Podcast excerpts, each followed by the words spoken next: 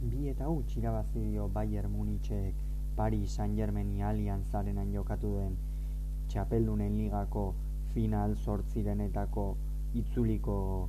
partidan. Eta honen bestez Bavariarrak final laurdenetan izango dira. Txapeldunen ligako final laurdenetan merezimendu osoz partidaren analisiarekin hasi aurretik e, gogora ditzagun gaurko beste partidak gaur jokatzekoak ziren beste partidak izan ere oraindik 6 minutuko luzapenarekin gu aurra batzen ari garenean Tottenham eta Milan usna ari dira Milanen e, joaneko partidako abantaiarekin kasu honetan huts eta bat bat eta huts irabazi baitzuten e, italiarrek Eta orain bai goazen Bayerrek eta Paris Saint-Germain jokatu duten partidaren isia egitera amaikakoekin hain justu ere Julian Nagelsmannek Bayerren aldetik aurreko partidarekin alderatuta Stuttgarri bat eta bi irabazi zioten partida hartati partida horrekin alderatuta ez du aldaketarik egin Somer izan da atepean Estanis Pamekano eta Delait izan dira atzealdean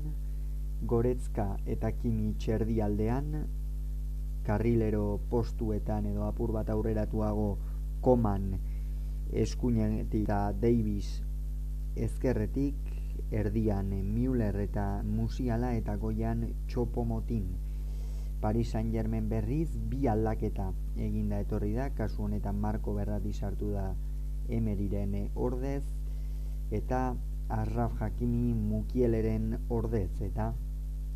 hau izan da Paristarren amaikakoa Donaruma atepean, iruko lerroan Marquinhos, Sergio Ramos eta Danilo Pereira, erdialdean Fabian Berrati eta Bitina apur bat aurreratuago, Arraf eta nun Arraf eskuinetik Nuno Mendes ezkerretik eta goian Mbappé eta Leo Messi. Gogoratuko dugu Bayerrek bat eta utz eta bat irabazi zuela Printzipeen parkean jokatutako partida hartan eta orokorrean partida hasiera oso berdindua izan da bi taldeak nahiko konservadore ikusi ditugu batez ere Bayern Munich aseran nahiko lasai ikusi dugu. Eta minutuek aurrera egin ala Paris Saint-Germain geroz eta deserosoago sentitzen hasi da. Zelaian izan ere Bayerrek atzealdean e, baloia lapurtzen zuen bakoitzean kontraerasoan min handia egiten zien e, Paristarrei eta horren ondorioz iritsi da partidako lehen golaukera garbia musialaren e, aldetik. Eta egi esan ba, bueno, zer esan behar da ez? E, Paris Saint Germain beste behin ere txapeldunen ligatik kanpora kanporatu dela final zortzirenetan, lehen urtean Real Madridek kanporatu zuen, gaurkoan Bayern Munichek, eta egia esan e, iparra era bat galduta duen taldea da Paris Saint Germain gaur egun, diru asko bai, baina produktibitate gutxi eta hori eta hori zaila da, zaila da eramaten hogeita amasei garren minutuan gainera Markinosek zelaia utzi behar izan du lesioa tarteko eta mukiele atera da haren, haren ordez. Eta bueno, hortik aurrera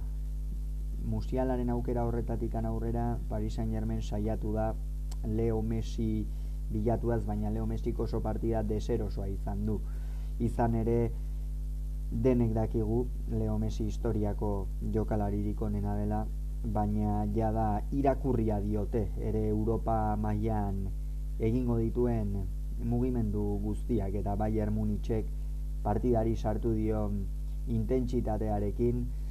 Leo Messi erabat geldiaraztea lortu dute eta ezin izan du partida erosoa eduki Argentinarrak inondik inora ere baloia hartzen zuen bakoitzean edo Kimmich edo Upamecano edo edo Goretzka gainean zituen eta oso oso zaila izan du aurrera egitea gainera hor area ertzean bere gust, bere gustukoen duen lekuan baloiak jasotzen zituenean ere defentsa asko etortzen zitzaizkio, jende asko joaten zitzaion gainera eta horren ondorioz ezin izan du partida erosoa egin eta ezin izan du azaldu eta beste aurpegia esan daitekena Paris Saint-Germainena kasu honetan Kylian Mbappe izan da. Bigarren zatian behar bada parte hartzaileago ikusi du Frantziarra, baina orokorrean ez du ez du partida ona egin. Ez du partida ona egin Kylian Mbappek, ez da apenas agertu da, aukera garbiak ere oso gutxi sortu ditu eta hori xe, lehen zatian eraba desagertuta eta bigarren zatian apur bat ager, gehiago agertua da ere ba ez da bat ere ongi bili Nuno Mendesen partida gustatu zait baita arrafena ere bai atzealdean eta baita erasoan ere nik uste esan duten bezala arraf erosoago sentitzen dela pixka bat aurreratuago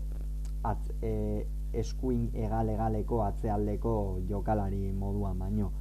Eta hori gaurkoan demostratu du askoz jokalari erasokorragoa dela atzekoa baino. Eta nik uste horri etekin handia atera altzaiola arraf jakimirekin esan bezala e, Nuno Mendesen partida gustatu zait. Eta zelai erdian ba beno berrati izan da apur bat hori ez, e, pixka bat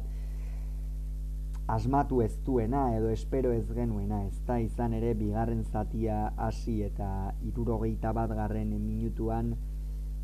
egia da Bayerrek beste, barkatu Parisek beste aldaketa bat egin behar izan duela derrigorrez, kasu honetan mukiele atera da, da sartu eta atera egina mukiele, beraz gaur PSG-ri bazirudien erabat partida gurutzatu egin zaio, gurutzatu egin zaio partida eta bitxiagu atera da mukieleren ordez, amazazpi urteko atzelari, erdiko atzelari gaztea, atera da mukieleren ordez, eta berak irurogeita bat garren minutuan berratiri pasea eman dio, baina gorezkak sekulako intentsitatearekin kendu egin dio, garbi kendu gainera, era txopo motinek hortikan ez du arkatu, ez du arkatu, eta hor da nik uste PSG kamore eman duela.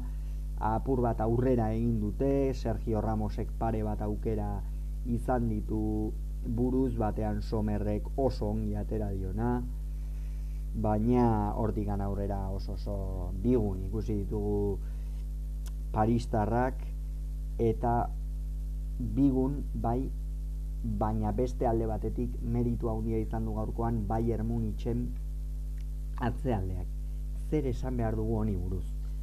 Katedra eman dute, jaun Andreok. Katedra eman dute Bayern Municheko atzelariek gaurko egun honetan. Sekulako intentsitatearekin jokatzeaz gain, Paris Saint-Germaini ez diote metro bat eroso emate egiten utzi, esan dugun bezala Messi era bat kontrolatuta eduki duten ikuste Argentinarrak ez duela metro bat eroso egin, baloi asko galdu ditu, baina zergati galdu ditu baloi asko, bai erren atzealdearen intentsitatearen gatik. Eta ez bakarrik e, lau atzelariak, hau da, batez ere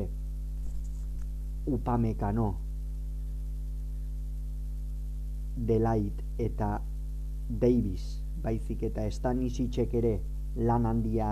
egin badu ere goretzka eta kimitxek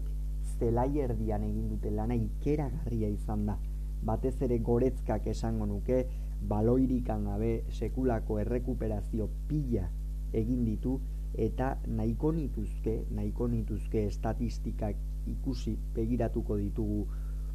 sakontasun gehiagorekin, hemen ez ditugu aipatuko, baina begiratuko ditugu sakontasun gehiagorekin estatistikan, baina ikeragarriak izan behar dute. Upamekanok, delaitek, goretzkak eta deibisek errekuperatu dituzten baloien kopurua. Ikeragarria behar du izan eta hori xe esan bezala katedra eman du gaurkoan baierrek atzealdean eta baierrek ere egin handi ez ikeragarri batean errua izan du Paris Saint Germainek Paris Saint Germain horrela lotuta usteko esan bezala eraban merezita pasa dira Bavariarrak urrengo fasera, final laurdenetan izango dira kasu honetan Chelsea Chelsea Benfica eta Milanekin batera eta gure aldetik hause izan da gaurkoz guztia entzule, urrengoan gehiago izango duzu ekirolunea podcast honetan bitartean ongi izan agur.